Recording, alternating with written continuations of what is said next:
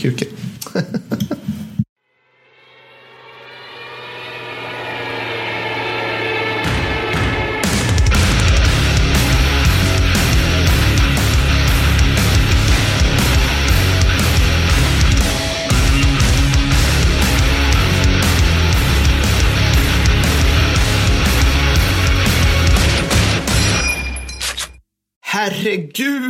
Vad fint det där lät va? En helt ny jingel, underbart. Eller hur Mattis? Ja, det var fantastiskt. Och alla 80-90-talister känner igen var det kommer ifrån också. Ja, ja, ja, givetvis. Alltså, mm. jag, kommer aldrig, jag kommer aldrig glömma hur otroligt dålig jag var på det där spelet när det kom. Och sen bara fortsatte jag suga. Men det är fantastiskt kul. Jag älskar där löp. Jag, jag var bättre på tvåan. Ja, var det? Bara säga. Det, ja. ja. det var ganska bra på tvåan, jättedålig på ettan. Det, det ja. var, jag, jag, körde verkligen Sovjet style där. Bara så här, horder av infanteri och stridsvagnar. så blev jag förvånad över att det inte funkade. Men tvåan, då är det då eh, man invaderar USA, eller hur? Ja, mest episka introt någonsin till ett ja. datorspel. Ja, och sen också en av de första banorna så ska man typ så här, man ska storma Pentagon som har så här ja. kulsprut, alltså de har så här hur mycket kulsprutor, medeltunga bandmater och kulsprutor som helst i taggtråd. Och man bara springer på med typ så här soldater, inga stridsvagnar. Ja, ja. Och så bara, for every conscript that dies there is a thousand to replace them. ja, ja, det är det. Det var underbart. Jag eh, älskar och när, de, när man kör med allierade är väl typ att man ska evakuera Washington, eller hur det nu är. Mm. Och sen så också de här, de här uh, icke-datanimerade sekvenserna de hade. Alltså de filmade ja, sekvenserna ja, med. C, alltså X-skådisar. Verkligen. Alltså, inte B-skådisar, inte C-skådisar, X-skådisar. Som, ja, det var underbart. Och i trean så dyker Tim Curry upp som kommunist. Alltså jag älskar det. Och det, det är så bra med liksom hela det här att de, jag tror de spelar cheesy. Alltså jag tror det är en del av liksom Westwoods grej. Okej, okay, hur som helst. Det här var alltså en ny mäktig strid i anfallsmålet jingel del av mästarna Johannes och Frank. Frank lirar i Rave der Requiem. Eh, det är ett himla fint band som låter som en korsning mellan Rammstein och Roxette ungefär. Svinbra. Svinbra. Så lyssna på dem om ni kan. Och hej ni som tittar ska jag säga också. För att vi släpper ju det här som första avsnitt eh, på YouTube där man kan se oss om man är Patreon. Jag, jag hade redan hunnit glömma det här. Jag blev helt plötsligt sjukt självmedveten. Ja, jag vet. Ja, fan borde rakat mig. Ja, det är mycket nu. Det, ja. Precis. Och ni som är, och det här är lite olika, det här är, alltså gud vi har så mycket nyheter för er. Det, det är lite olika nivåer som man kan lägga sig på också. Så att, mm, i varje fall. Och om jag tittar åt det här hållet så betyder det inte att jag är otrevlig mot er, utan det betyder att jag tittar på mina anteckningar. Och samma för Mattis eh, brukar det vara. Så ska vi säga. Ja. In other news, Mattis, du och jag är arbetslösa. Eh, ja, så blev det.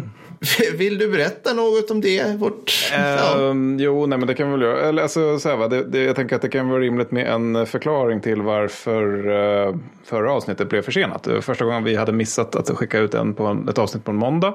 Mm. Och orsaken förklarades på Instagram och Facebook som att jag befann mig i en kris, vilket jag också gjorde får man säga.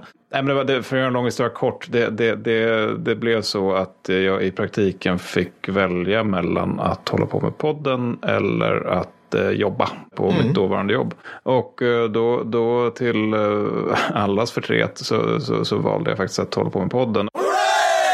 Och orsaken till det är i grund och botten att jag tyckte väldigt mycket om mitt jobb men jag, jag alltså, helvete vad trevligt det är att podda.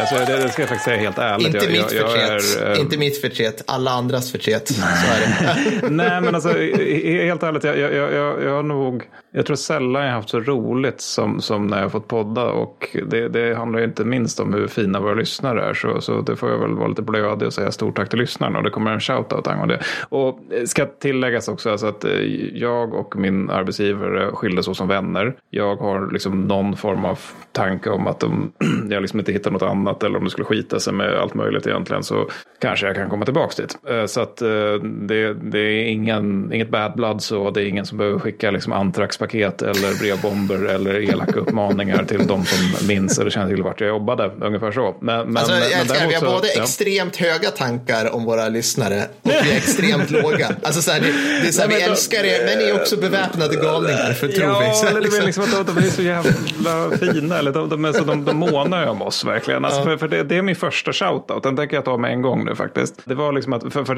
just när det stod ordet kris där, det verkade många reagera på. För det var liksom Facebook och Instagram, båda kommentarsflödena bara fylldes av folk som använde, eh, vad fan var det, hashtag kämpa Mattis så mycket så här, man tar hand om dig, det viktigaste är familjen. Alltså det var uh -huh. skitfint, jag blev alltså genuint rörd. Det, liksom, uh -huh. det, jag, jag tyckte, så stort jättetack till alla som skrev sådana fina snälla grejer. Oh. Och den andra shoutouten då, för det kom nämligen samma dag, och jag vet inte om det var någon som tänkte att Mattis kanske är lite ledsen så nu kommer det här. Det var att vi fick en ny Instagram-följare. Eh, vederbörande följer precis en, eh, och det är oss. Eh, vederbörande har användarnamnet en medeltung kulspruta. Och sen så har han en profilbild där det står någon som springer i solnedgång och så står det Trust Bullets. Och eh, som presentation så står det Var hälsad, en medeltung kulspruta samt evig ära väntar dig på östfronten. Sankt Konrad kommer att möta dig. så det, det, var den andra shoutouten. Eh, som jag tackar storligen för. Eller jag vet inte, det var inte, ja, det, det var inte så uttryckligen att, att, han sa att han gillade oss, för jag tror faktiskt även han. Men, men det var, indirekt skulle man kunna nog tänka sig att det här är en av våra mer eh, hängivna lyssnare. Mm, man kan tro det. Jag tänker mig också, fick han inte plats med bandmatad? Man kanske inte får ha hur långa nicknames som helst på Instagram då? Det är väl enda, det enda jag kan säga sannolikt, ja. Precis. Ja. Nej, men det, precis. det låter ja. som att det, det är ett Instagram-konto som har kokat ner vår podd till liksom mm. Konrad, bandmatare, kulsprutor. Och vi kunde få någon som kunde liksom trycka in Michel Ney och estniska trossoldater där. Då är vi ja. typ hemma. Ja, I princip. Ja. ja. Det är svinkul. Mm. Var du några shoutouts? Ja, faktiskt. Alltså, det är återigen, det är väldigt brett här. Alltså, till alla de som slet sitt hår och bröt, bröt sitt svärd över sitt knä, som i Ferdinand, när de fick reda på att Krigshistoriepodden inte skulle komma ut på måndagen. Alltså, det var en flod av roliga giffar. Liksom. Och det, jag, bara, jag tyckte det var så fint bara. Liksom. Nu är min måndag förstörd. Fuck everything, typ. Och jag bara, ja. det, det, var ju någon hjälte som la upp en Terminator från 40K som sa brother, get the flamer. Ja, the heavy ja, alltså, flamer så roliga. De är så roliga. Jag bara sitter där och hela tiden. Liksom. Men, men det, det, det, det, där pratade vi om också. Så att nu när varken du eller jag har någon fast anställning så, så vi har ju faktiskt möjligheten att göra specialavsnitt på ett annat sätt. Och jag tänker att vi ja. skulle kunna göra några sådana där ute gängse släpp-historier. Eh, liksom, där mm. vi typ, ja, men till exempel har 40k-avsnittet. För jag vet att det mm. finns de som definitivt inte vill ha det på liksom, mm. varannan veckas mm. eh, schemat. Nej, nej, alltså nu kör vi ju, alltså nu är ju, det ska jag säga till er som är patrons, ni är ju våra arbetsgivare. För vi har ingen fucking inkomst. eh, ja. Så att, ja, nej men eh, Ska vi säga något mer om Patreon? Vi, eh... Ja, så säga, jag, tänker, jag tänker faktiskt vara lite ärlig där. Alltså, om ni tycker om oss så bli gärna Patreon. Vi uppskattar ja. det jättemycket. Alltså, ja. så att, eh, om, ni, om ni har råd med det, om ni tycker att det är värt det, kör hårt. Eh, vi har mm. vid det här laget förmodligen lagt upp alla tiers och stretch goals och allt roligt ja. man får ut av de olika nivåerna. Liksom. Och om ni inte känner för ovan så sprid hemskt gärna podden. Det, det tror jag aldrig vi har sagt live faktiskt. Jag har skrivit det några gånger. Men, men, men all, alltså, sprid den gärna till de ni tror skulle gilla den. Uh, just nu tror jag är hela hemvärnet som lyssnar på oss. Uh, men, men, men jag får gärna spridas utanför där också. Det, ja, och ja. en professor i sociologi visar det sig. Men, ja, uh, alltså jag har också lärare. Det har, det har drällt in några så här historielärare från riket. Ja. Ja, jävla fint tycker jag på något vis där också. Liksom. Ja, I egenskap av gammal lärare så vill jag Exakt. faktiskt säga att det är jävla trevligt. Ja. Alltså, det, det var någon där som han har liksom bara dragit våra drapor på någon så här, alltså, fan vad nice egentligen. Bra pedagogik där, att man bara spelar upp en podd på på högstadieeleverna. Här har vi några som säger rövhatt upprepade gånger om Hitler.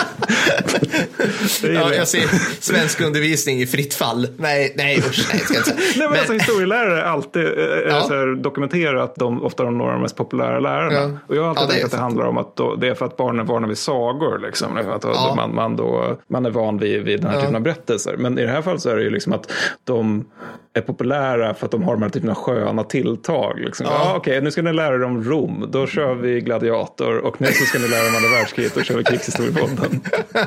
ja, men jag älskar. Då, ja, men den, här, den här historieläraren, kanske lite äldre, kanske vår ålder, tänker också så här. De här äh, trötta, trötta småbarnsföräldrarna i 35-årsåldern är nere med kidsen. Ja, men det, liksom, de kanske har, vad heter det de har? Snap. Du vet, Per sitter och använder ordet fräckt. Så liksom, Tick-tack. Ja, precis. Tick-tack, vad heter allt det där?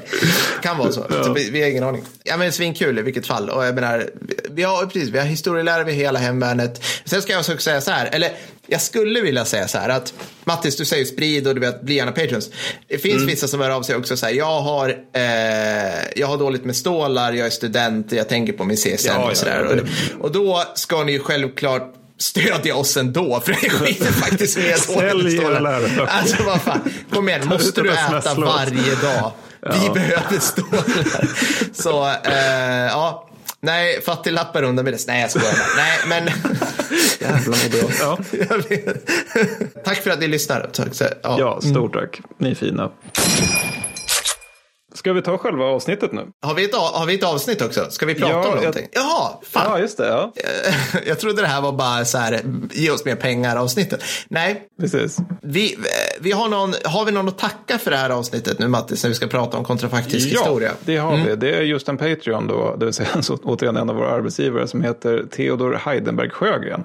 Han skriver, när kommer avsnittet om kontrafaktisk historia? Mm. Jag vill veta vad som hade hänt om britterna inte hade varit så tröga utan sänkt tyskarnas fartyg innan de eh, nådde Norge. Är en invasion möjlig då? Vad hände med Norge och Tyskland? Vad hände med Sverige och Finland? Järnmalmen, ultralångsökt men byter Finlands sida och kan Normandie bytas mot Viborg? Ja, oh, herregud. Ja. Jag, jag, jag, skulle säga att vi i det här avsnittet då kommer fortsätta vår stolta tradition av att möta våra lyssnare halvvägs. Mm. Det vill säga, du kommer få kontrafaktisk historia men kanske inte just svar på de frågorna. Nej, eh, typ så. Typ Inge Viborg nämns inte alls tror jag.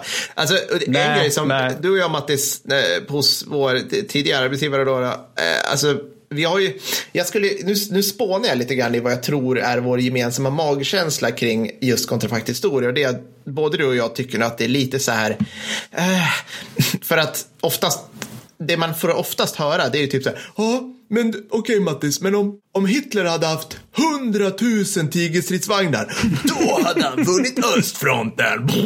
Eller hur? Vad hade, men så här, vad hade hänt då? Eller liksom Wunderwaffen. Alltså, det blir oftast liksom lite så här äh, högstadie, intresserad av andra mm. världskriget diskussioner. Ja, ja. men exakt. Det, det, det, är väldigt lätt att man hamnar i den här typen av alltså, lösa spekulationer och att mm. man liksom hamnar i en historiebeskrivning som helt bortser från materiella förutsättningar. Och det här mm. är ju mm. liksom, just materiella förutsättningar är ganska viktigt när det handlar om krig. Det, det, det är ändå... jag tror vi har sagt i den här podden att det är en materialsport. Jag tror vi har sagt det. Ja, det, det har vi gjort upprepade gånger. Jag bara förresten, vi kanske ska bara snabbt om det är någon som inte vet det. För jag vet att vi har några lyssnare som är 13. Så okej, okay, okay. så här lägger till. Kontrafaktisk historia, kontrafakta, det vill säga det som inte har hänt. Historien om om. Vad hade hänt om om hade hänt? Det är det som är kontrafaktisk historia. Det där kanske vi ska klippa in innan vi kommer till de här olika roliga exemplen. Men skitsamma. Eh, nej, men, nej, men, håller, men exakt så, alltså att man hamnar väldigt lätt på det. Alltså, en som jag noterat dyker upp från och till på internet, det är sådana här grejer som är liksom, vad händer om tyskarna vinner kriget 1944? Och så spånar man vidare på det. Liksom, mm. att, ja, nej, men mm. vid det laget så hade de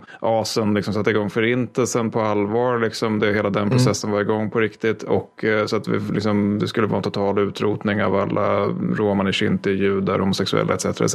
Mm. Och sen då så skulle Östeuropa bli liksom olika SS-borgar och bla bla bla. bla. Men det, är, alltså det man måste besvara någonstans om man ska ställa, liksom få för det resonemanget det är hur vinner de mm. 1944? Mm. Alltså hur? Det, det är liksom, hur? Det, du har liksom östfronten, det, de, de har en operation där 1944 som heter bagation. Där ryssarna angriper bara den operationen med lika mycket som tyskarna har längs hela östfronten. Och säg då att de tar det. Mm. Ja. Då har vi Normandie. Det är också en faktor. Liksom. så hur vinner de detta? Hur, ja. hur fan ska, alltså, de, det finns liksom inga materiella förutsättningar för det här längre. Nej, och jag, alltså, jag, jag känner ju också mycket så här som, som fastnar i populärkulturen. Liksom, typ. alltså, det känns som att man, har man tar upp vissa saker som som att så här, ja men alla Wunderwaffens då, vad hade hänt om, då spelar man mm. Wolfenstein till slut. Alltså det blir så, ja, ja. det är så orimligt, alltså det blir liksom, och det är samma sak som, ja men som vi har sagt då, ingen vändning, vet, vi kommer inte prata om någon vändning 44, att helt Nej. plötsligt, för det, det, är totalt jävla orimligt på alla plan. Inga Wunderwaffen, och sen, eh, det här är min jävla pet peeve, för det är också så tröskat här.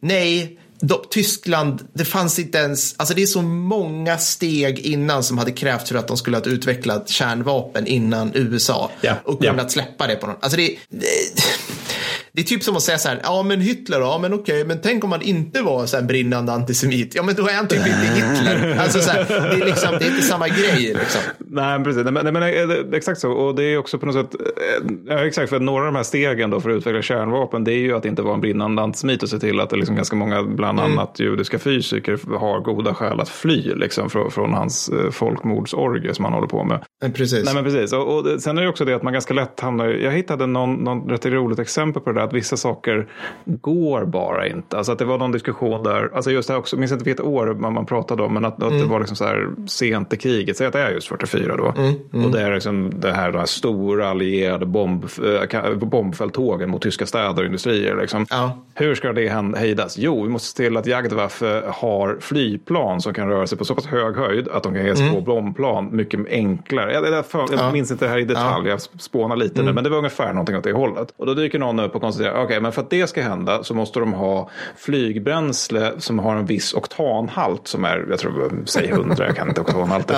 ja. Eh, den är hög i varje fall. och för att det ska ske, då måste de ha vissa raffinaderier som de måste börja bygga typ på 30-talet. Alltså det går liksom inte att de bara slänger ihop ett sånt på 40, liksom 44 och sen hoppas på Nej. att Jagdwaffe nu helt plötsligt ska kunna ge sig på allting som de allierade kom med. Utan de måste redan på 30-talet förstå att det räcker inte med det här flyg, den här högoktaniga flygbränslen som vi har och som vi tycker är tillräckligt bra. Utan vi måste sänka ner jättemycket resurser på inte ens en hunch, utan på någonting Nej. som vi inte vet kan hända. Liksom. Ja. Är du med jag tänker? Ja, exakt. För ja, det, det är liksom samma när man har så här, så här vad, vad, hur, vad händer om tyskarna har panterstridsvagnar 1939? Ja, men hur, hur får de ens den idén? Liksom? Alltså, ja, det, precis. Jag menar, alltså, precis. För, för dem är ju liksom en stridsvagn, typ en 1, nej inte så illa, men alltså, för, dem, för dem är ju en ordentlig stridsvagn en Panzer 3 eller en Panzer 4. Det är liksom mm. Boom.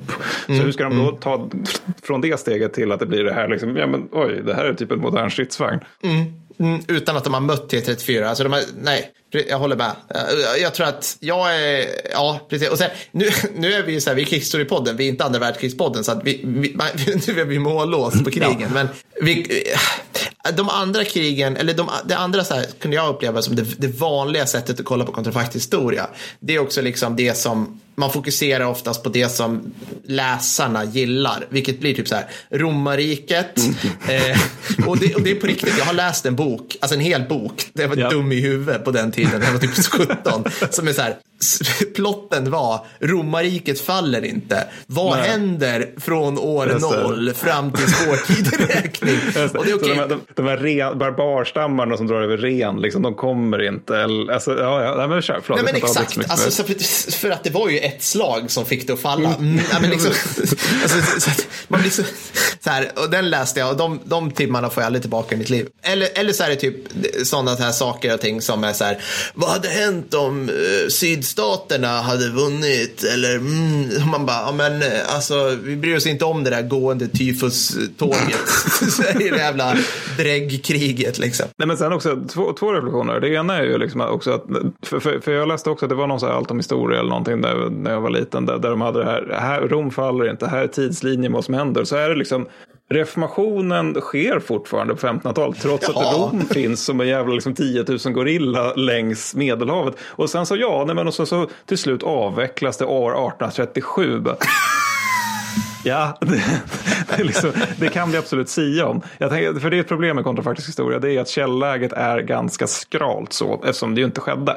Men det andra är också att jag, alltså där ute efter liksom, det här händer inte och att det är inte en del, alltså det är inget längre förlopp. Så jag tror dålig kontrafaktisk historia blir ofta dålig just för att man förutsätter att historia är en händelse och sen, mm. så, det är lustigt att jag ska faktiskt ta exempel där jag argumenterar att det är som skitsamma, att man, man utgår från att det är en händelse och sen så sker liksom Roms fall istället, eller liksom det är en händelse och sen så sker franska revolutionen. Mm, det, mm. det, är ju aldrig så, särskilt inte i Nej. äldre tider för då är liksom samhällen så pass primitiva att det handlar om så här, hundratals år av, av ekonomisk och social utveckling för att någonting ska ske överhuvudtaget. Ja, precis.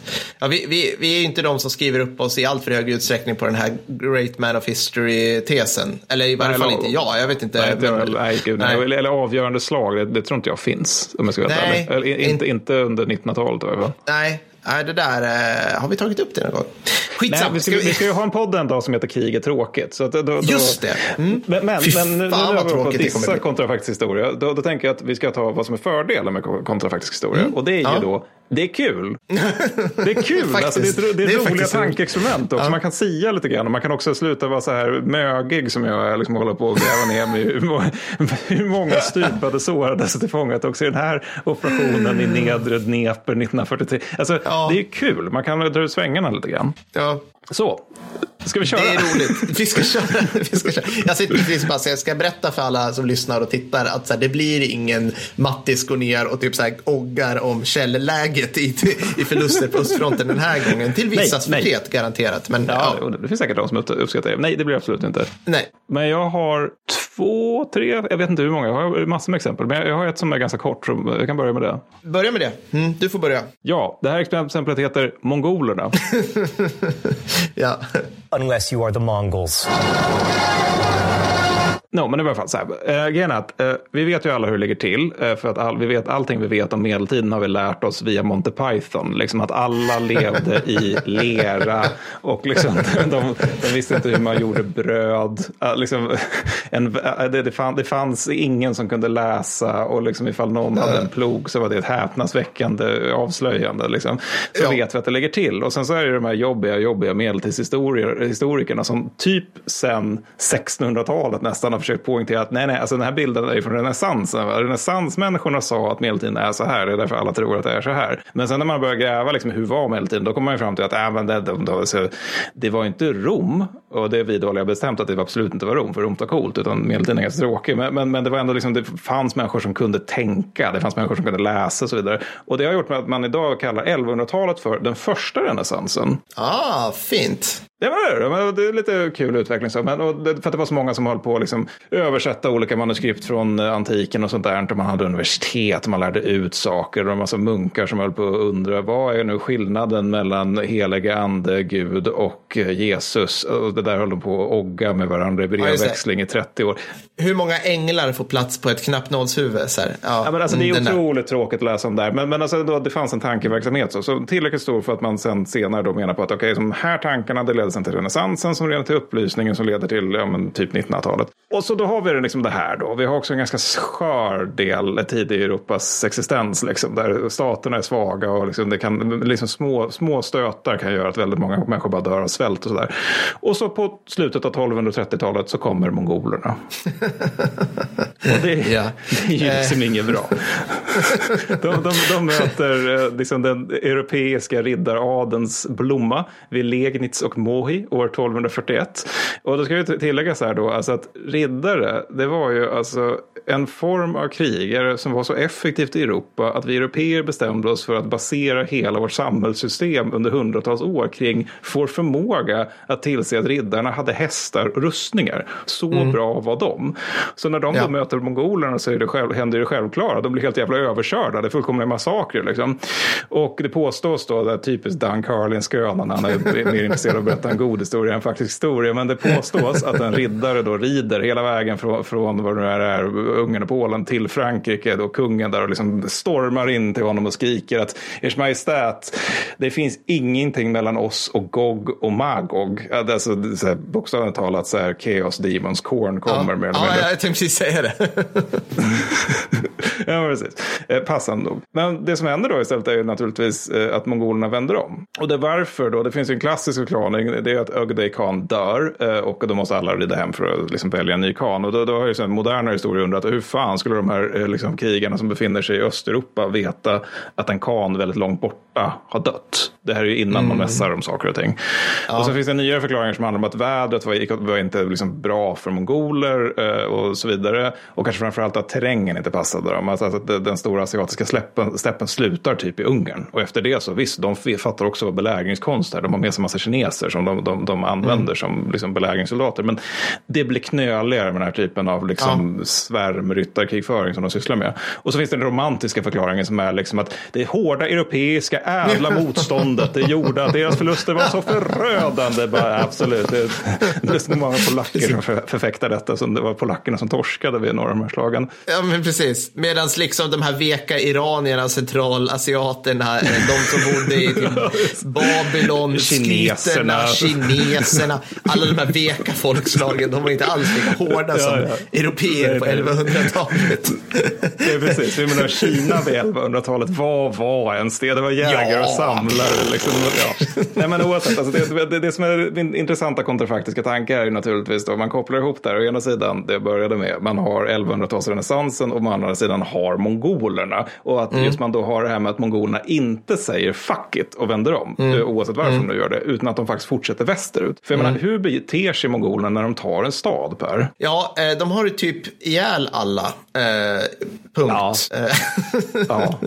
ja. men de, de plockar ju också, alltså de plock, jag vet ju att mongolerna kunde plocka russinen ur kakan och liksom, alltså, mm. vilket gjorde de ju till att det fanns en viss, vad kan man kalla, staying power i deras faktiska ockupation. Alltså om jag minns mm. rätt så var det typ så här, jaha, ni är konfusier här i Kina. Ja, ja, det kan ni väl få vara, men typ så här, du och du och du, ni blir ämbetsmän och ni, jallala, och så du vet, alltså, så mm. där höll de på. Efter att de hade haft ihjäl alla, obs, Bagdad, typ liksom. Mm. Ja, för det var ju det, de hade ju en tendens att gilla att statuera exempel och då, var, mm. då överlevde ju ingen. Liksom. Då, då var det liksom att man halshögg katterna när man hade fått slut på människor. Det, det, det var liksom inte bra. Alltså när, när Genghis och pojkarna var ute och red brukar ibland beskrivas som en av de största demografiska katastroferna som Eurasien har upplevt. Liksom. Per näsfnissar. Ja. ja, det blir lite real. Men om man tänker ja. sig det här sättet att strida och det här sättet att, liksom, att, att skrämma slag på folk. Och så tänker man att det här drabbar liksom bara några större centraleuropeiska städer. Jag säger mm. någonstans några i Tyskland, kanske några i Frankrike. där. Det råkar finnas något universitet, det kanske finns liksom några lärda personer, det finns liksom en lärotradition och så vidare. Du tog exemplet Bagdad, ja det brukar mm. ofta ses som mm. slutet på islams gyllene ålder just för att de, mm. det, det, är så inåt helvete mycket som går, går blir förstört där. Och då är frågan, liksom, vad händer med typ renässansen eller upplysningen eller typ världen av idag om mongolerna bara säger Äh, vi kör på. Vi, vi, mm. liksom, nu, nu kör vi här helt enkelt. Vad, vad landar vi då egentligen? Förmodligen ganska annorlunda värld som det är så jävla länge sedan. Så att liksom, vattenringarna hinner bli ganska många. Ja, precis. Idag har vi kanske alla lite bredare näsor. Nej, gud, nu blev Per rasist. ja. eh, förlåt. Nej, men eh, ja. Ja, men det, där, det blir omöjligt att säga snabbt. Men det är ändå ja. en tanke, alltså att, att, att, jag gillar också kontrafaktisk historia, att man kan peta på känsliga punkter äh, mm. utan att kanske behöva säga där allt det här händer, liksom, mm. tänker jag. Ja, coolt. Ska vi köra varannan? För ni, jag, ja, har, en, det. Det jag har en kort nu, jävel. Ja, ja. Eh, den, är, den är rolig. Ja, som inte alls... Härligt. Ska, ja, för nu tänker jag så här. Jag ska prata om andra världskriget och nu tänker ni oj. så här. Wow, nu kommer det hända grejer här. Håll i hatten. Oj, oj, oj. Ta på er galoscherna. Ja, okej. Okay. Eh, Mattis, ja. kriget Finland börjar... Finland vinner kriget. Ja, men kriget. Kriget börjar september 39.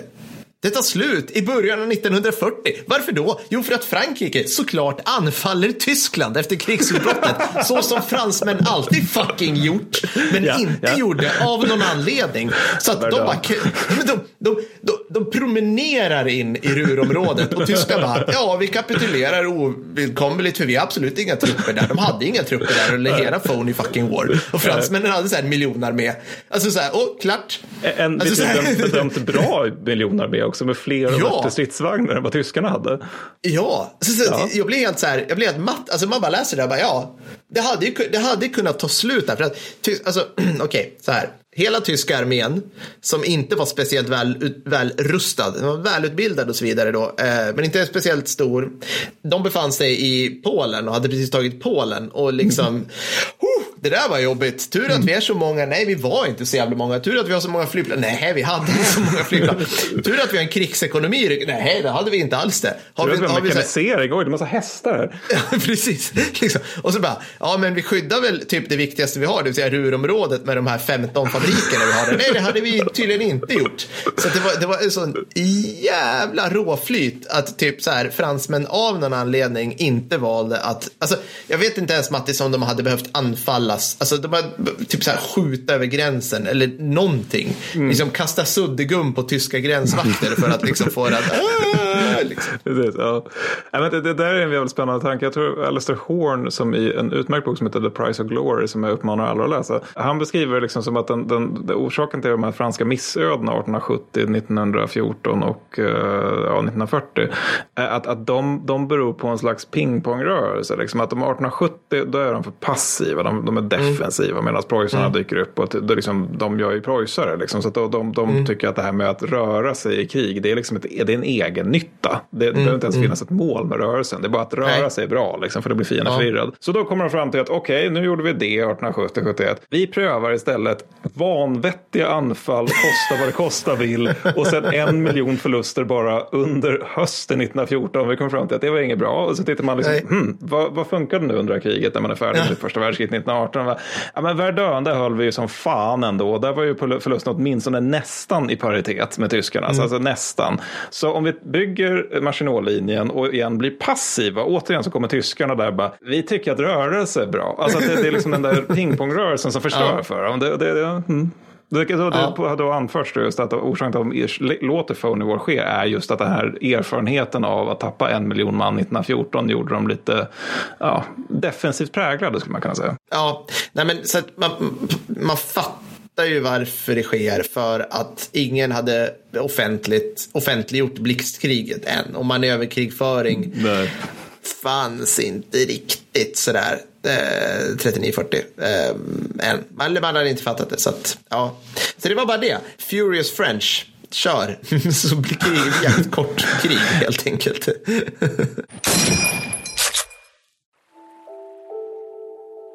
Visst finns det inget bättre än att njuta av en härlig dag på stranden. Sommarsolen värmer, en ljummen bris fläktar in över vattnet. Jo, det finns någonting bättre. Det enda som slår det är nämligen en härlig dag på stranden plus en Messerschmitt 262 jetdrivet stridsflygplan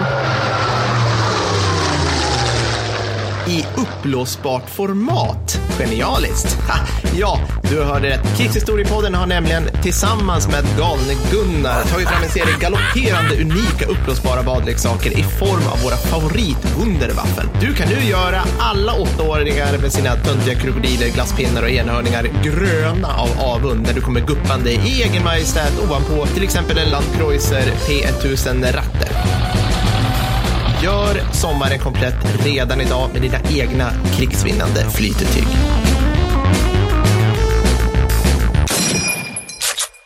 Right. Nej men så här va, den, den, när det gäller första världskriget så jag tänker att något av det intressantaste med första världskriget är ju tanken på att det inte blir av. Mm. Uh, tycker jag. Alltså för, för att det, det, är en så tydlig exempel på, på en värld innan och efter ett krig. På ett sätt som ja. det, inte alltid är. Liksom. Men nu, nu är det så radikalt annorlunda efteråt, så radikalt annorlunda innan. Det var till och med Max Hastings i sin mycket dåliga bok om 1914 som heter Katastrof. Han har, han har skrivit en bra mening i den boken. Han har skrivit många bra böcker men den är riktigt jävla usel. Okay den, den som beskriver han liksom det här med skotten i Sarajevo som att det här är liksom som en getingsvärm som man har haft efter sig under hela 1900-talet. Och det jag tycker jag är en ganska passande metafor. Liksom just att man, ja. man försöker skaka bort det där med att 1914 hände. Men det lyckas man aldrig med och sen så blir 1900-talet 1900-talet. Så då är liksom frågan, okej, okay, första världskriget vad händer om det inte händer? Och då finns det liksom lite olika varianter. Liksom, den första är helt enkelt mycket simpel. Gavrilo Princip missar Frans Ferdinand där. inte helt otippat liksom, va? nej, inte helt otippat. Han, han, jag vill minnas att jag läste någonstans att han hade en skjutövning under liksom så dagen eller kanske till och med dag på dagen inför det här med att han blev liksom, eh, förmodligen världshistoriens absolut värsta massmördare indirekt. Mm. Eh, där han missade som en jävla kratta för han var en dålig skytt och han stod och grät liksom i frustration över att han inte kunde träffa någon någonting. Så, och det, det man ska ha med sig här då, det, det, är också vilken otroligt tattig organisation det var som skulle mörda.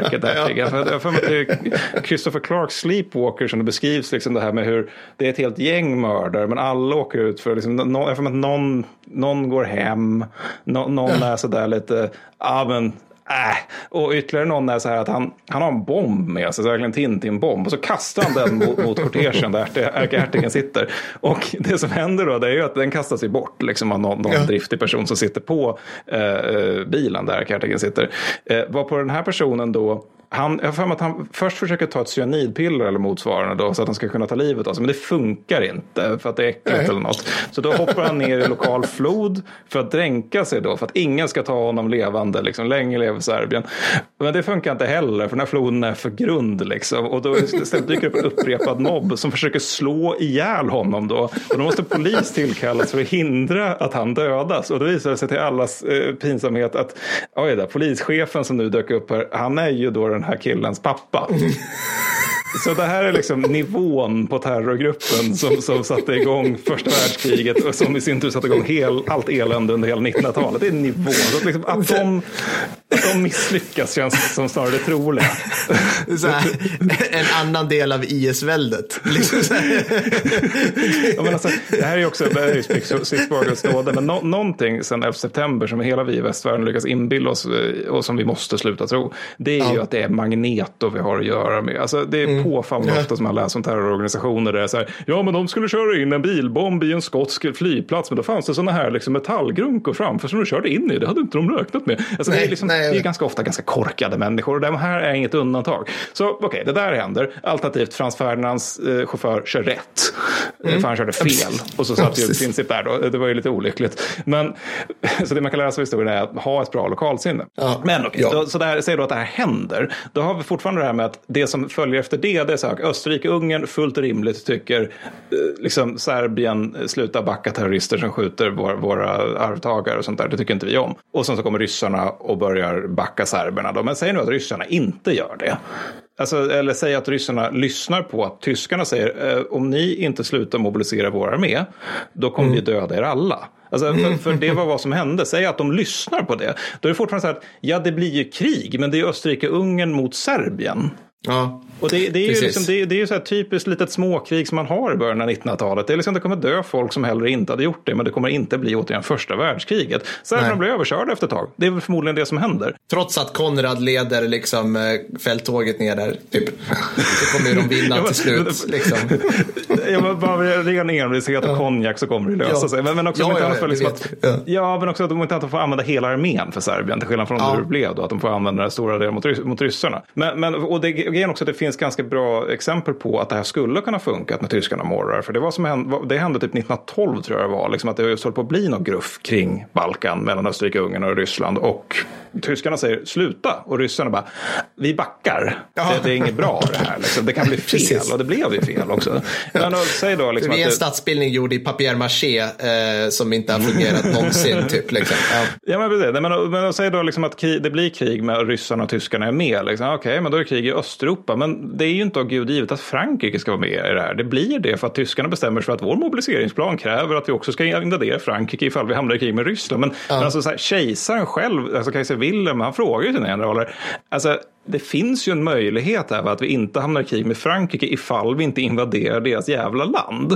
Hmm. Och då säger generalen att det, det, alltså, vi har räknat på det här ganska länge och det, vi kan liksom inte bara improvisera ihop att alla järnvägarna ska gå åt andra hållet. Men, men säg att det ändå blir så. Okej, okay, men då är det liksom krig i Östeuropa. Ryssarna torskar. Det är nog ganska ja. troligt att det blir så. Med tanke på att de torskade i kriget i verkligheten. Och så sista då. Säg att britterna liksom skiter i att hedra sin garanti från 1839 mm. om att Belgien ska, liksom, dess gränser ska fredas. Jag menar, mm. Fatta hur många jävla avtal britterna har ingått under 1800-talet. De har ingått, ingått in, liksom avtal med precis alla, inklusive ja. så här, stammar som kommunicerar med klickspråk. No offense mm. dem naturligtvis. Och det, liksom, det är ju ett av alla dessa 1800-talsfördrag som Gud glömde. Är det då Gud givet att de då, nu jävlar, nu ska vi skicka hela vår armé för att möta tyskan över Belgien? Nej, det är inte av Gud givet. Nej, och faktum nej. är att liksom, den brittiska hemmaopinionen var ganska emot det här ända tills vissa politiker började känna att fast det här är ändå en grej vi beredda att slåss för. för men resultatet av det, det är förmodligen att Frankrike vinner nog fortfarande vid maj 1914, för det gjorde de i mm, IRL. Mm. Liksom.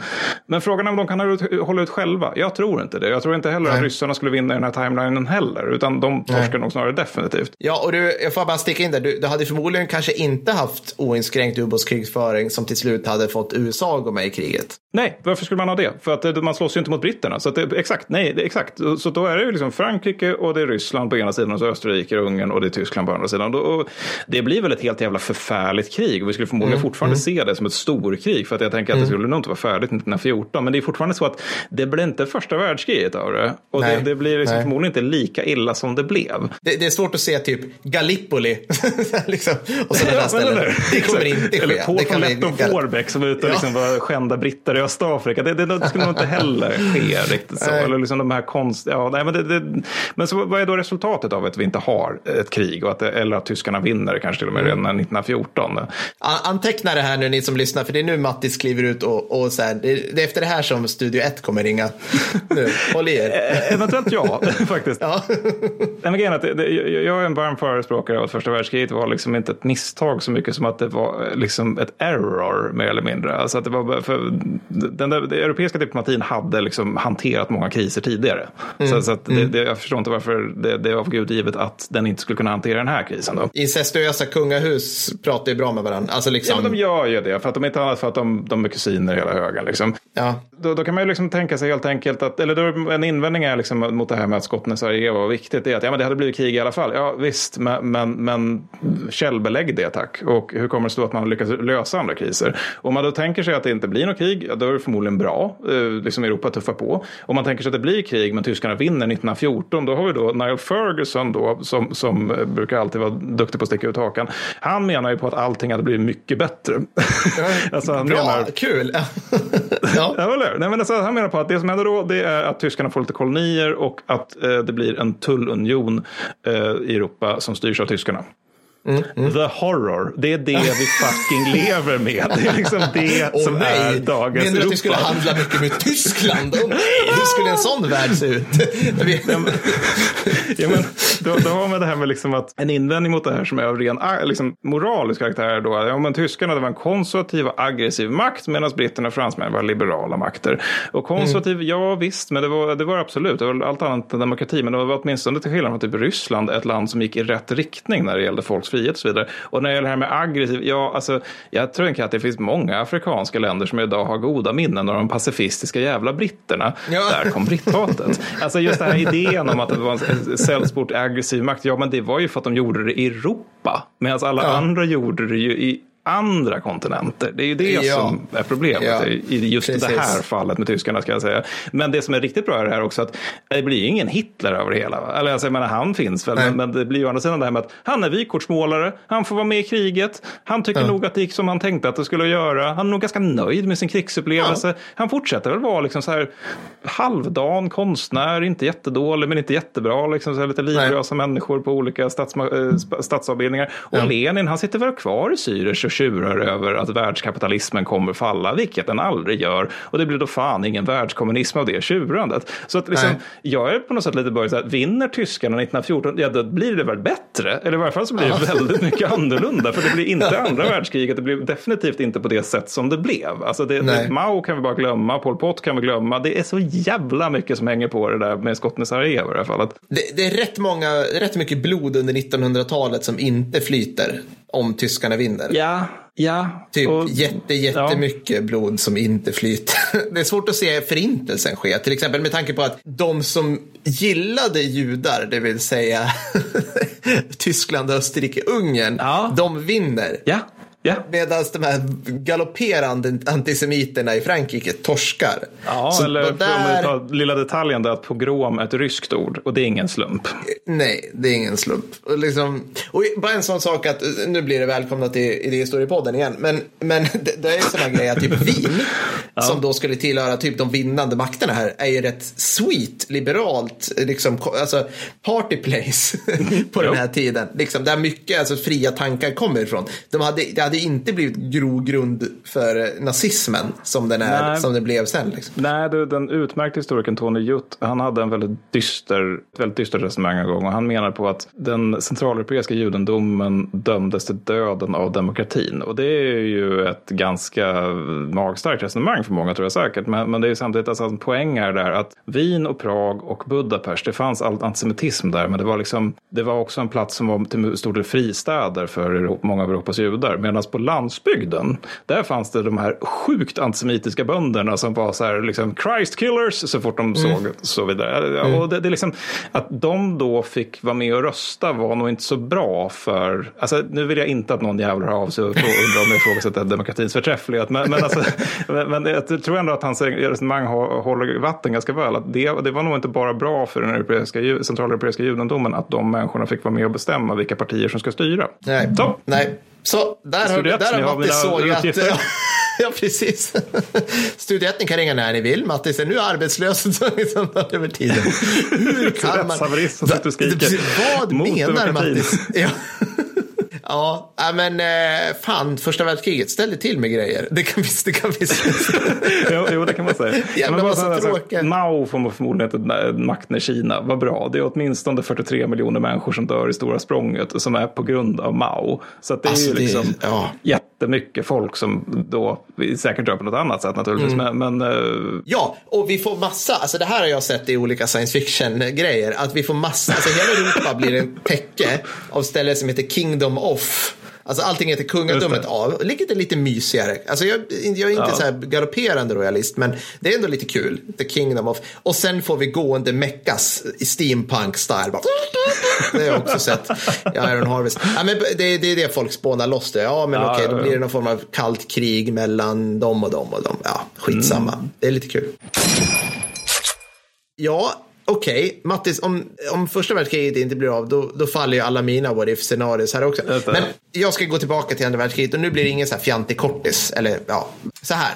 Alternativ historia tycker jag är intressant när det handlar om saker och ting jag kanske känner igen mig i. Jag, så här, jag träffade min fru när vi när jag gick på den här krogen på den dagen. I, liksom för 2012. Annars hade vi inte träffats. Alltså det var så jävla lite som gjorde att jag gick dit. För det är en rätt dålig krog för övrigt i stan. Så att, så att jag ville inte, varför ska vi gå dit? För fan vad suget. Så gick jag inte och träffade henne. Alltså, och nu helt plötsligt har vi tre barn och allting. Alltså det är galet. Mm. Ja. Så, att, så att jag, jag gillar dem. Alltså. Ja men jag gillar dem, precis som du var inne på det där. Liksom så här, jag, jag kommer inte prata om, ja men Mattis, tänk om Tyskland hade så här 17 urangruvor på 30-talet. Ja men då är vi i en annan planet. Alltså ja. Medan liksom att någon skulle välja att gå på höger sida om lyktstolpen än vänster är inte, mm. alltså det ligger rätt nära. Så att ja. jag, gillar, jag gillar ett eh, scenario som jag ramlade över då, som börjar rätt tidigt. Och det är helt enkelt så att vi är just nu under brinnande första världskrig. Och Hitler är på väg från Wien för att skriva in sig i det han tänker sig ska vara då den tyska armén på den här tiden, kejserliga armén. Ja, Istället Eh, Eh, så hamnar han, du vet, som händer i livet, som alla vi har varit med om. Han hamnar bakom, bredvid någon i en tågkupé, eller du vet, snackar med någon på en perrong, så får honom på andra tankar. Och just i det här fallet så hamnar han bredvid någon så här Unterseeofficer, alltså en, en underofficer till sjöss, mm. som säger då så här, hörru du, skit i tyska armén. Kaiserlich Marin, eller vad fan det kan heta, mm. de vill ha dig min unge man, och jag ska hjälpa dig, lägger handen, lägger armen om unge Adde här. Och så, du ser vilsen ut. Du ser vilsen ut, exakt, hela det där. Och, och det här är också, det här är en annan psykologisk grej också, att i, på köpet här så får Adde en fadersfigur, och det är många sådana här hobbypsykologer och andra som tror att det kan ha varit därför han blev typ homicidal maniac killer. Fuck, ja. ja men skitsamma. Ja. Så han blir liksom ja, lugnare. Så han, han hamnar i, och det här måste vi komma ihåg, liksom, för att allting efter det här egentligen utspelas som första världskriget för honom. Alltså det, det, det, löper på, bara att han är på en fucking fartyg och är med om slaget vid Skagerrak och Jutland och sådana här grejer. Som tyskarna torskar och han ser sina vänner dö. Mm. Alltså för hans, hans fartyg då i det här fallet Weissbaden blir träffat och du vet, alltså det är hemskt. Precis som han såg skiten i, först, i vår värld då, eller man ska säga, i skyttegravarna. Och mm. blev liksom så här, det här, fan i helvete liksom. Och, så då, då är tanken då helt enkelt att Hitlers liksom, inriktning blir lite skruvat, eller dels skruvat, men till en början lite skruvad till att liksom Tysklands öde, alltså mindfolk, mm. det bygger på att vi kan besegra britterna till havs. Liksom. Det. Mm. Här, det är här jag träffade på. Det är liksom inte i skyttegravarna vid Somme mot fransmän mm. i lera på land, utan det är till sjöss. Så han inser liksom en rätt, men en, en rätt grundläggande grej om faktiskt alltså, eh, global krigföring. Att så här, planeten är 70 procent vatten. Liksom. Och det coola liksom, med det här scenariot tycker jag, det är liksom, men okej, vad blir följdeffekterna av det här? Jo, men han börjar inte hänga så mycket med, liksom, vad fan kan de heta, alla de här, jag höll på att säga Rudolf Hess, men Eichmann och alla de här liksom, mm. landbackemänniskorna. Rädda mig här Matte som är ute och cyklar. Utan han började hänga med Dönitz. Ja, du tänker Manstein och kompani, eller alltså generalerna? Nej, nej, eller? nej, jag menar de tidiga SS-nazisterna. Ja, ja, ja. mm. Typ, eh, ja, skitsamma. Alltså, han, han, han sätter sig inte i ölhallen i Munich och pratar med arméveteraner. Mm. Utan han pratar med, han håller sig igång liksom i flottan helt enkelt. Mm. Och liksom han knyter, han blir svinförbannad över Versaillesfreden och allt det här. Men han tänker mera än han liksom reagerar just det här, hur ska vi besegra Storbritannien? Mm. Jo visst, det här, jag gillar inte judar speciellt mycket och världskommunismen suger, believe me. Uh, det kommer vi ta tag i sen, det är någon jävla dolkstuds här. Men det är inte det viktiga just nu, för det är, det är liksom sjövägarna vi måste säkra först. Och det här råkar ju vara det viktigaste under hela andra världskriget. Alltså, alltså så här, ja, men det är så enkelt. Alltså, där, liksom, om du inte kontrollerar havet så, så, skulle du aldrig vinna. I princip. Nej, men alltså bara ett exempel. Vi, vi har ju pratat en del om det här med vikten av amerikanska lastbilar på östfronten. Hur sker det utan PQ-konvojer? Eller i varje fall blir det lite knasigt att få dit dem. Ja, men precis. Och det, och så, det här då spelar, och så, du var inne på det här i början av avsnittet där du snackade så här, men hur fan hade de kunnat komma på eh, Panterstridsvagnar 39? till exempel. Ja, men hoppas folk hänger med på det här nu. De hade kunnat komma på Panterstridsvagnar 1939 om typ en försynt eh, italiensk militärteoretiker på 20-talet hade skrivit om Panterstridsvagnar. Mm. Så som militär eller sjöteoretiker skrev om typ så här hangarfartyg, ubåtar och sådana här saker tidigt, rätt tidigt under 1900-talet. Det fanns de här tankarna uppe. Och så, att, så det som händer, liksom, om, du, om ni tänker liksom linjen framåt här när han tar makten 33 och allt det här. Det är att Hitler bara, slagskepp, det är så jävla ute. De här snubbarna, de har skrivit det här är framtiden. Liksom. Det är som att sitta på typ, jag vet inte, början av 2000-talet nu, alltså för typ 20 år sedan och prata så att drönare blir framtiden och folk bara, Va? de, de blir aldrig någonting. Vi håller på att bygga F35 för glatta livet här nu. Ja, precis. Va? Så, här, så att Hitler han bara säger nej vi skiter i Bismarck och Tirpitz och Tjernhos och de här jävla alltså, stora ytstridsfartygen som, som faktiskt inte tjänade någonting till. De finns inte. Vi kör hangarfartygsgrupper med sjöburna Messerschmitts. Ja. Vi byter till oss Longlands teknik ifrån Japan och Longlands Ja. Det här borde vi prata mer om. Det kan vara en av de effektivaste vapnen under hela andra världskriget. Ja, det, jag har sett det skrivas i alla fall att det är den absolut bästa torpeden under hela andra världskriget. Alltså bar ja. none, verkligen. Ja, precis. Och den lyckas liksom Japan få fram samtidigt som de gör så jävla mycket dålig annan militärteknik. Men det, det vet vi, ja, så kan det vara. Så den lägger de beslag på. Så att det är samma Hitler, det är samma drivkraft, det är liksom samma, det är, det är samma värld på ett sätt. Det är bara en annan inriktning. Det är sjö-Hitler kan man säga. Det blir sjö-Hitler, det blir liksom vår lilla amiral kallar de det i det här scenariot. Att folk bara, åh, a little al kleine admiral, eller något sådär.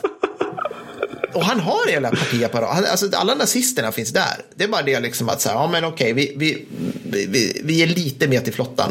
Och ger lite mer till flottan i rätt stund. Och med rätt mm. inriktning. Så typ sådana här saker, Waffen-SS eh, finns inte, utan det blir snarare den fanatiska tyska marinkåren. nice. Ja, men liksom, ja. Det kan ju vara bra när man får för sig att liksom, du vet, ta stränder och sådana här saker som tyskarna aldrig kunde göra. Liksom. Och vad, vad tar tyskarna tag i tidigt? Jo, men liksom, istället för att liksom hålla på med underrättelser kopplat till några stridsvagnar så bara det här radar som vi har fått tag på, som, som liksom vi har sett att britterna håller på med, kan det vara något att ha? Och istället för att liksom Hitler säger nej, det där är fjanterier, vi ska ha bajonetter på östfronten, så han bara radar, yes, fixa det. Bara, bara ett instick här, för det där med ubåtarna känns också inte helt långsökt om man tänker på alltså, det här med vad tyska erfarenheter är från första världskriget. För 1917 när de sätter igång det oinskränkta ubåtskriget, där är ju liksom att de, de, det är några månader under våren innan britterna börjar med kon konvojering eh, så, som det faktiskt är farligt för dem. Alltså att tyskarna sänker mer än vad de kan få ut till havs. Jag minns inte, jag har inte siffrorna i huvudet, men, men det, det, alltså jag tänker att de har ju ändå den erfarenheten att de vet att de kan strypa de brittiska hemöarna ifall de ger sig den på dem. De har många ubåtar och är bra på det. Liksom. Så det känns som att det finns ändå på något sätt, det, det finns en rimlighet att tänka sig att de då skulle tänka, ja men då satsar vi på vargflockarna i nästa krig då. Ja exakt, och gör det tidigare. Alltså det, det handlar ju liksom om att inte eh, så här, det handlar om att kraftsamla lite grann. Och kriget drar igång så att, eh, alltså, det drar igång på sätt, samma sätt det drar igång. Liksom, eh, Storbritannien och Frankrike förklarar Tyskland krig efter att de invaderade Polen, la la la.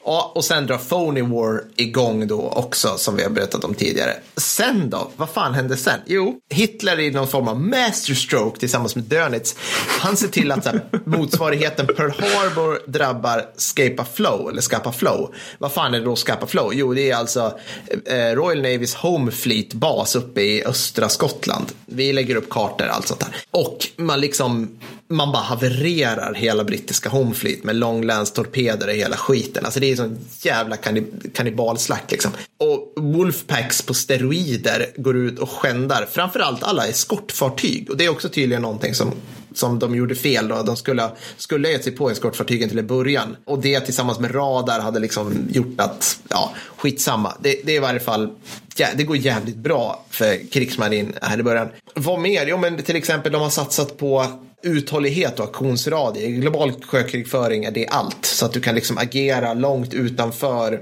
de landburna sjöflygets aktionsradie. Allting är liksom mm. plottar. Ni får se framför er några jävla herrejösses-kartor. Liksom. Ja, samtidigt, och det här nu är vi inne på det du var inne på. Ja, men liksom, eh, samtidigt så säger Hitler så här, okej, okay, ja, nu är jag liksom, vad ska jag göra nu då? Ja, nej men alla ni andra länder i, Europa. För att han vill ju åt Storbritannien. Liksom. Och Storbritannien, det de gjorde under i vårt, eller vår värld, då, det var ju liksom binda de alla småländerna emot sig. Han vänder alla de här småländerna emot henne och säger så här. Alla ni länder som skriver på det här avtalet om typ ett mini-EU, våra Wolfpacks kommer inte röra era handelsflottor. Så Sverige, Norge, mm. ja precis, så Sverige, Norge, alla de där, de bara, ja men det låter bra. Och just det, så får ni inte handla med Storbritannien och de bara, mm, fair enough. Typ så här, liksom. Alltså, det är egentligen att göra det som britterna brukar göra när de slåss på landbacken liksom, i Europa, fast tvärtom. Exakt, precis. Ja. Så att och det här går svinbra såklart i det här scenariot. Liksom. Och eh, samma sak egentligen med, de ser till att hålla USA utanför kriget på alla mm. sätt och vis. Och säger liksom så här, ja hörni, ni får handla med oss med de här. Och liksom, ja, Wall Street bara, mm, pengar. Och vi, vi har ingen roll med er, liksom, ni kan syssla med nej, nej, nej. och så vidare. Nej, precis. Men, men, men, men det är en intressant tanke, för vi pratade om det lite grann innan när vi snackade om det här. Att på något sätt är det som att om tyskarna ska vinna andra världskriget, då är liksom oddsen så emot dem att det krävs på något sätt att de omdefinierar kriget. Ja. Alltså de definierar kriget som att det är slut 1941 när Storbritannien ger sig. I det här fallet då. Eller ja, i det, här fallet, det är slut exakt, 1940 ja. när Frankrike ger upp och, och, och liksom ja. är bra med det. Liksom. Vi är nöjda med det. För så fort de bestämmer sig för att nu ska vi också utmana Sovjetunionen och samtidigt utmana USA. Alltså, liksom, Det är där det, det, gör att nu, det går inte längre. Liksom. Ni kommer absolut inte vinna det här kriget. Men om de lyckas med den här konststycket just omdefiniera vad är nu det här kriget? Ska vi backa Japan? Nej, kanske inte.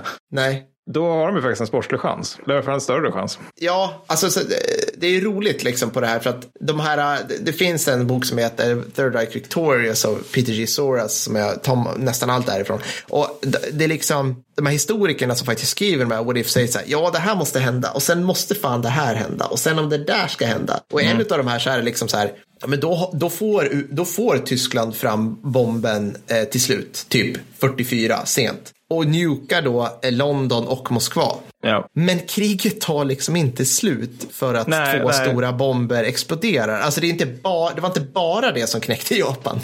alltså det, liksom, det är så jävla... Så att, ja. Det leder till följdfrågan, hur, hur gör de med amerikanerna? De finns fortfarande där och liksom, ja. HER är inte vad det en gång var efter liksom, några års förfärlig krigföring på östfronten. Nej, det, det som de händer där, det är, det är liksom att eh, ja, Truman egentligen då säger så här, okej, okay, nummer ett på vår nuke-lista, Berlin, nummer två på vår nuke Newcastle, ja, Hamburg, nummer tre München. Det var det, ja, var det enda. Och så bara nukade de, nukade Tyskland tills Tyskland ger sig.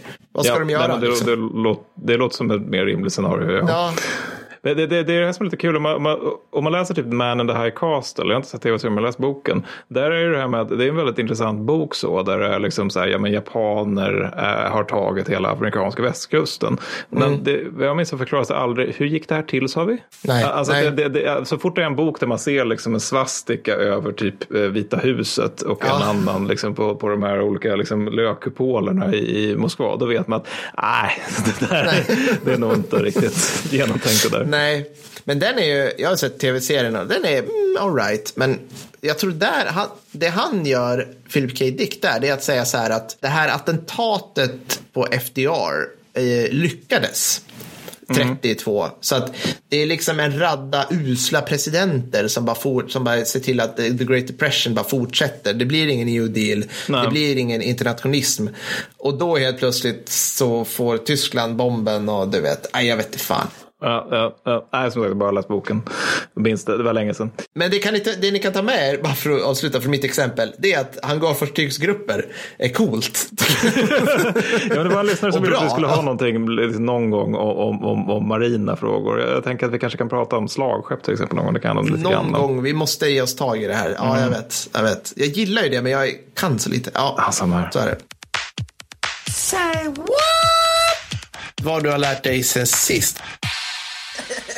Hörru du, eh, har du lärt dig någonting sen sist Mattis förresten? Ja, det har jag faktiskt. Jo, uh, utöver, utöver att jag har, jag har lärt mig en sak, sen har jag lärt mig att jag har en fin fru också. För hon sa, sa till mig angående det här med min arbetssituation, så jag ska inte fråga om jobb, uh, att nej, men ta ett halvår, skriv en bok eller två och håll på med podden. Ja, okej. Okay. Mm. Can do. Fint. Nej, men jag lärde mig en grej som jag tyckte var rätt kul. Det var, jag håller på att läsa en ganska sladdrig bok som handlar om uh, CIA-operationer och OSSS Eh, operationer som aldrig blev av. Alltså de som var för tokiga för att genomföra. Alltså då måste vi komma ihåg liksom hur galna de grejer var som de faktiskt genomfördes. Den, okay, den, den, heter, den, heter, Nuke the Moon. För det var tydligen en tanke man hade där efter att ryssarna kom upp i rymden. Att nu jävlar, vi ska kärnvapenbomba månen. Så att de alltså, vet att vi kan göra det. Såklart vi ska. Ja, nej, men det, var tydligen, ja, men det var tydligen så att uh, kubanska underrättelsetjänsten har någon gång haft en uppskattning på att uh, jänkarna försökt mörda Fidel Castro över 600 gånger. Och det är förmodligen lite av en glädjekalkyl. Men såklart klart ja. att det är väldigt, väldigt många. Och då hittade jag någon sån här grej där, där liksom, de hade något jättekontor i Miami där alla CIA-tjänstemännen var så här, det här är jättehemligt, vi har höga kragar och liksom låga hattar och ingen vet vad vi gör. All, liksom, varenda jävla surfare visste att där bor spooksen, där är CIAs kontor. och från det här så agerade de då med, med liksom olika, satt och knastrade ihop olika klav.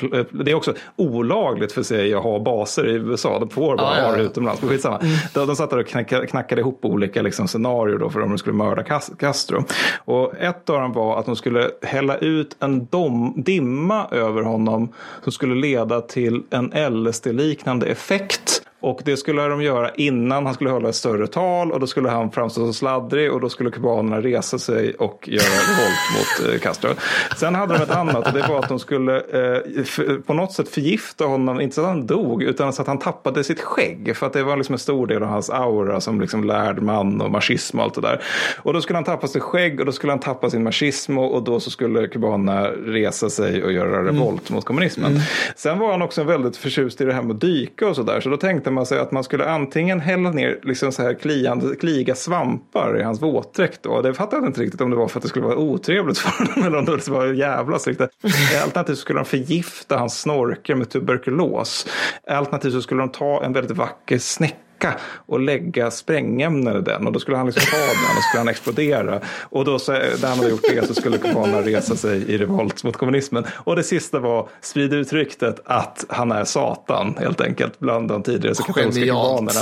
Ja, och så, så låt några fartyg läggas utanför kubanska kusten och liksom sända iväg starshells. Påstå att det här är för de här vidskepliga människorna som man ser det som då. Att det här är liksom the second coming. Och han är ju Satan. Så då kommer ja. de, ja, gissa, Ja, ja precis. Resa sig. Resa jag älskar att de, jag älskar liksom att så här, CIAs syn på den kubanska allmogen är liksom att de befinner sig någonstans mellan så här råttor och hundar i intelligens. att de är liksom, ja, eller bara så här, tidig medeltid liksom. Eller ja, så här, från medeltiden verkligen. Där är djur liksom. Ja, ja, det, ja. men det, det, är faktiskt påfallande. Väldigt många operationer som aldrig blir av den boken som är så här. Om vi bara förutsätter att det inte är människor vi har att göra Nej. med. För det var någon ja. annan så här. Att vi, vi målar alla rävar i självlysande färg och så häller vi ut dem över Japan och så får de bara springa runt och lysa i natten. Då kommer japanerna bli rädda och ge upp för de tror på rävspöken. Så ska vi inte är rasister kommer det här kriget gå bättre. oh, har du oh, lärt dig? Ja, alltså ja, men jag har väl lärt mig min egen gräns när det gäller just, alltså jag är ju, jag är ju, jag är en sån här människa som tycker det är sinnessjukt intressant med liksom hur vissa förband är uppbyggda och sådana här saker. Så jag, mm. eh, jag gjorde väldigt lite av ett misstag och kanske så här, jag bara, men då ska jag läsa en memoar från liksom en kompanichef på västfronten 44 som heter, eh, den bara så här, Company Commander, Classic Infantry Memoir of World War II. och den, den innehåller allting det jag inte gillar och väldigt lite av det jag gillar. Den är alltså, jag ska säga så här, det finns en amerikansk egenhet när de ska skriva om sitt liv att de alltid ska, så fort det dyker upp en karaktär eller en person så ska de säga så här, and this was Chuck, Chuck, uh, Chuck Bruson from Bumville, Alabama. Alltså varenda gång så skriver de alltid stad ja, ja, och ja. stat. Varenda jävla, alltså jag blir helt galen. Och det här... Jag ganska ofta också säga att han hade finskt påbrå på moderns sida men hans pappa de var tyskar eller något sånt där. Att det är så jävla Exakt. viktigt det där med... Oh. Så, att, så att den här var liksom, den var intressant i i dess, alltså jag gillar verkligen, jag gillar ju oftast de här skildringarna, liksom här, eh, vad ska man säga, näsan precis över skyttegraven. Liksom. Ja. Kan jag gilla soldatperspektivet. Men det här var för mycket sånt.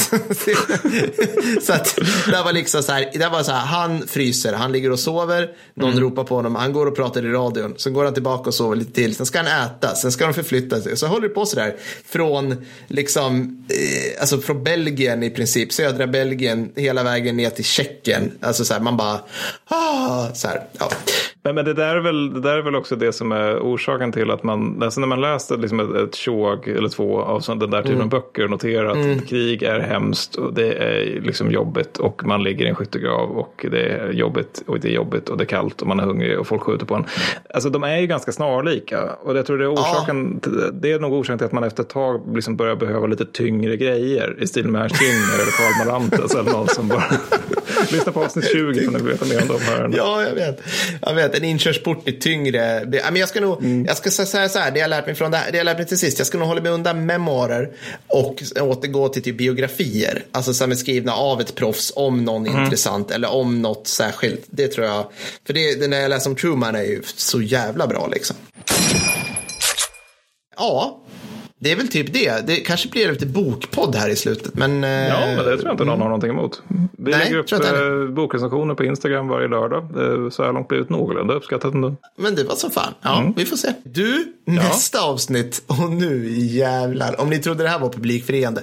Vi ska, snacka, vi, vi ska snacka om andra världskrigets specialförband. Ja. Axelmakterna edition, motherfuckers. Yes, det är alltså, del ett. Sen kommer den här delen som jag tror att ingen vill ha. Det, man Nej, är, det... Men det, jag och Mattis, det är du och jag som sitter och pratar med varandra i delen nästa del.